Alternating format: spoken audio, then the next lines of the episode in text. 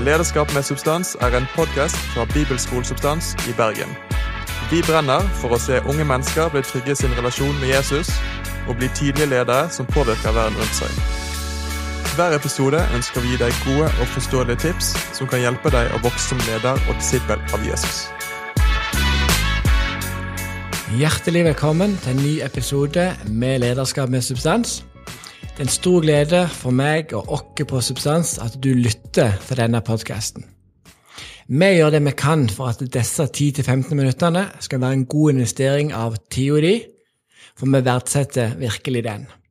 Takk til dere som deler podkasten med andre, og som går inn og rater den på iTunes. Har du ikke gjort det ennå, vil jeg oppfordre deg til å gjøre det. Har du noen tema du vil høre mer om, eller et spørsmål som du lurer på, så send meg gjerne en mail på jonny.bibelskolensubstans.no, eller kommenter på Instagram-posten eller Facebook-posten, så, vil vi svare. Jeg har lyst til å bare reklamere litt for min første bok som kom ut i februar, og det gleder jeg meg veldig til. Tittelen er Det er lov å være lur. Og Målet med boka er rett og slett eh, å snakke om ting jeg skulle ønske jeg visste når jeg var mellom 15 og 25, som jeg vet nå. Og òg litt det som ligger bak boka mi, er at hvis du var Gud, hva hadde du sagt om ulike temaer, som f.eks. kjærlighet, sex, dating, onani, pornografi, alkohol, vennskap, selvledelse, nåde, pluss, pluss, pluss. Jeg tenker det at eh, Hvis du er interessert i de temaene der, så vil jeg anbefale deg til å kjøpe den boka når den kommer. Gleder meg til det. Vi fikk inn to spørsmål til dagens podkast, og de skal jeg prøve å besvare etter beste evne.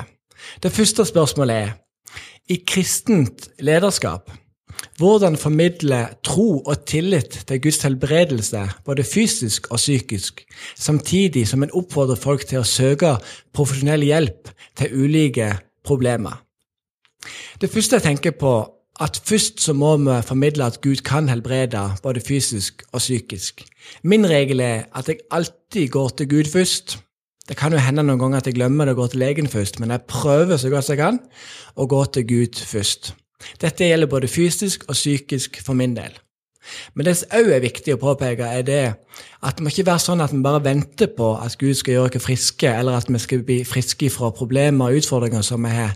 Da tenker jeg at det er viktig at vi kontakter mennesker som er gode på de ulike områdene. Det er ikke mangel på tro å gå til legen. Det er ikke mangel på tro å gå til en samtalepartner eller en psykolog. Jeg tenker at disse er til for å brukes, og jeg tror at de er skapt av Gud.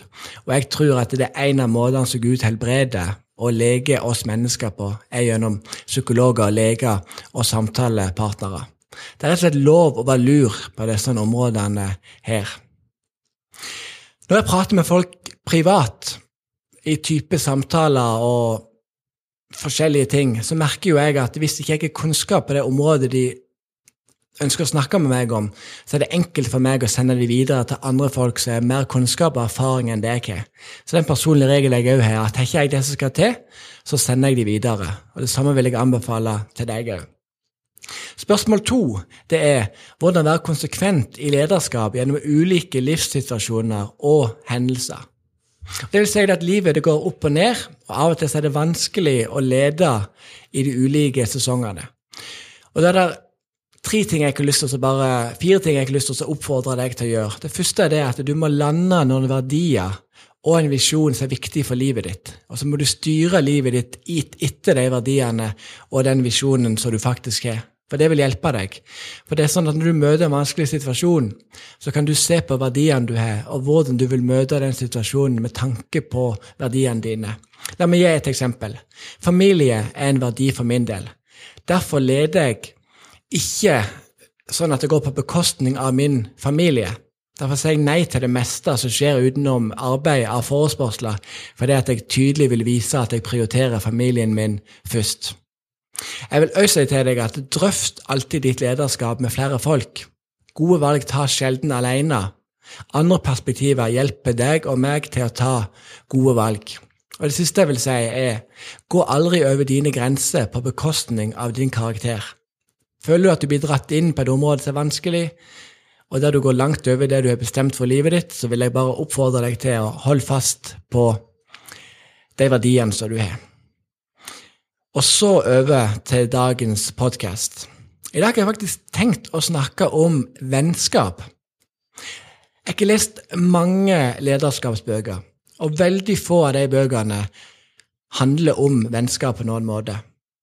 Og jo mer jeg tenker på vennskap, jo mer jeg har lest om det, jo mer jeg har fokusert på det, så syns jeg at det finnes altfor lite stoff på dette området her. Og spør du meg, så er det noe av det viktigste som finnes med tanke på lederskap. Det er ingenting som påvirker deg mer i en bestemt retning enn dine venner. Du kan ha verdens beste oppvekst, alt ligger klart for et bra liv, vips, du får feil venner og blir dratt i en feil retning, og livet blir dårlig. Du kan ha tidenes verste oppvekst. Du ligger an til å få et forferdelig liv. Vips, du får venner som drar deg i en god retning. Livet blir bra. Spør du meg, så har vennskap alt å si. Og du er ikke forplikta til å være i et dårlig eller usunt vennskap. Jeg kommer tilbake til det litt seinere. En psykolog ved navnet Judith Harris kom i 1998 med en banebrytende teori. Hun mente at barneoppdragelse ikke var det viktigste for hvordan barnet ble. Hun mente at vennskap var enda viktigere, og det var vennene som avgjorde hvem du faktisk ble. Det er lov å være enig eller uenig med det hun har sagt, men jeg tror det ligger mange sannheter i det som hun sa. Våre venner er det som har mest innflytelse på oss. De kan gjøre oss klokere og rausere. De kan også gjøre oss dummere og mindre rause. Genet spiller selvfølgelig også inn, men det kan vi ikke gjøre noe med. Men våre venner kan vi derimot gjøre noe med.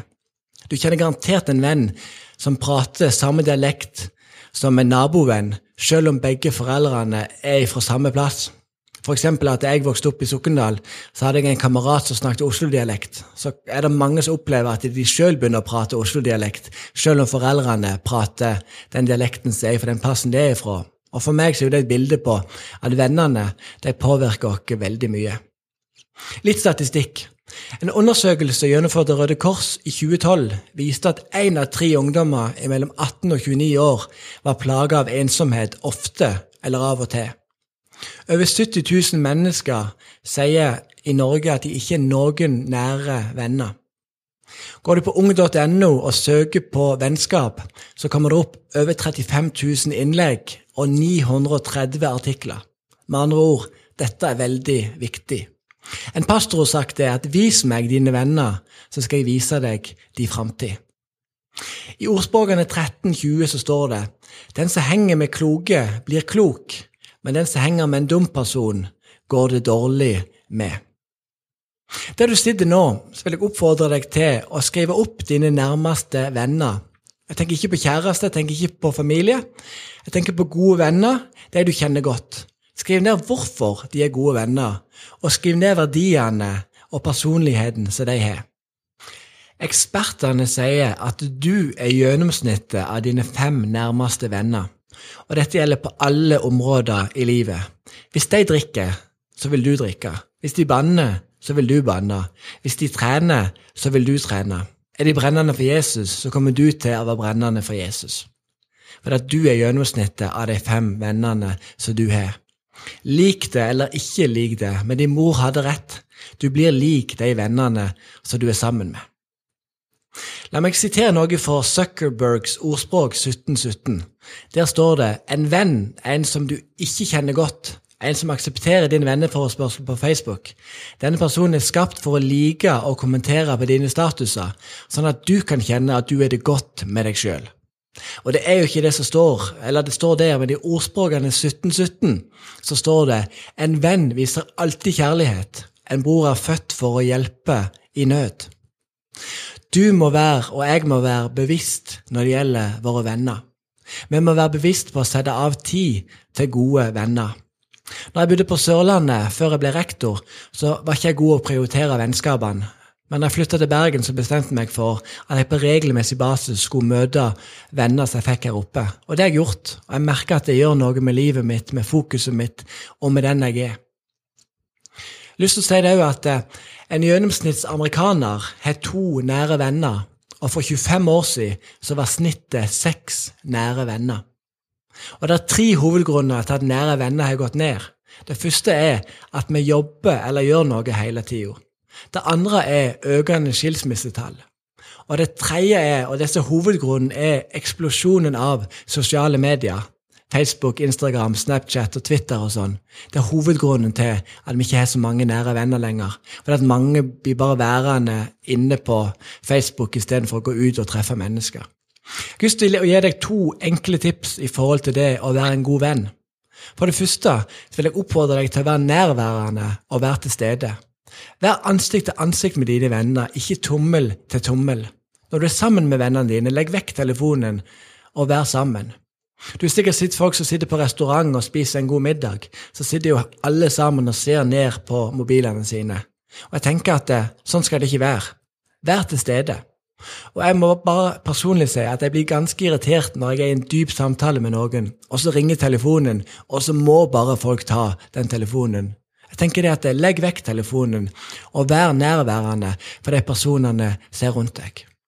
Husker For noen år siden så var det en venn av meg som kom til meg og var i en veldig vanskelig periode av livet sitt. Han kom bort til meg, jeg holdt rundt han og ga han en lang klem. Det gikk flere minutter der jeg bare holdt rundt han, og jeg sa ingenting, men jeg bare holdt rundt han. Og så åpnet han opp hjertet sitt for meg i kanskje en time, uten at jeg sa noe på en time. Og etter samtalen så takka han meg for alt det gode jeg hadde gjort, alt jeg hadde betydd for han i løpet av den samtalen. Og Sannheten var jeg hadde ikke sagt eller gjort noen ting, egentlig. Jeg hadde bare vært til stede og lytta på han. Og jeg tenker det, at det må du være. Vær til stede. Andre tingen jeg vil oppfordre deg til, er å være åpen med livet ditt. Fordi vi kan imponere folk med våre styrker, men vi knytter oss til mennesker gjennom våre svakheter.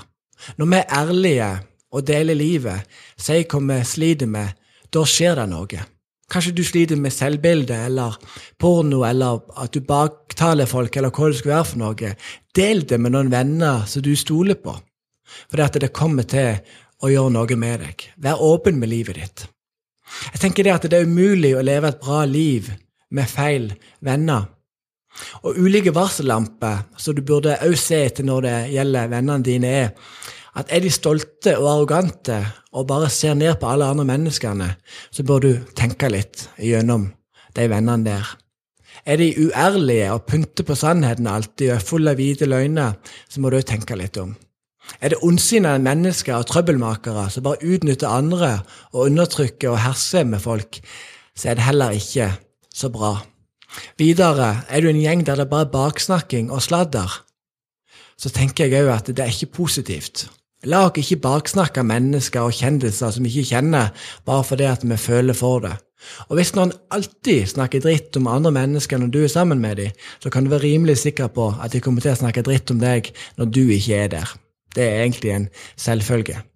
Kvaliteter som du bør se etter i en god venn, det er noen som sprer glede, noen som sprer kjærlighet, noen som har en positiv holdning til livet, noen som innrømmer feil, noen som ser deg, noen som verdsetter deg for den som du er.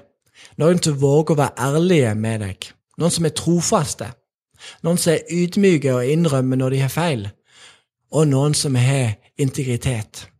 Så vil du tenke, Betyr det at vi skal slutte eller avslutte alle vennskap som vi har med mennesker som ikke har god innflytelse på oss?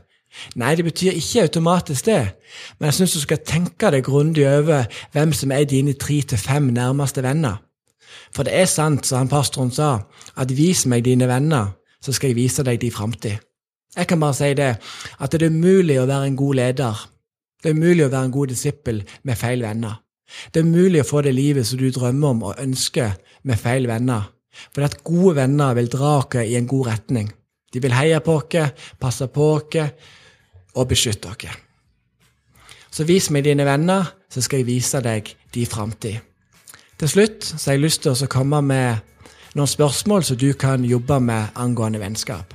Det første er er du i noen usunne vennskap som du må gjøre noe med nå? Spørsmål to er det noen venner som du må få et dypere forhold til? Spørsmål tre trenger du noen nye venner, altså at du trenger å utvide vennekretsen din? Spørsmål fire er det noen vennskap du må ta opp igjen? Og spørsmål fem hva kan du gjøre helt konkret for å sette av mer tid til å være med dine venner? Takk for at du lyttet til denne podkasten. Det er en glede å få lov til å bety en forskjell inn i livet ditt. Gud velsigne deg. Ha en nydelig uke, og del gjerne podkasten med dine venner og andre bekjente.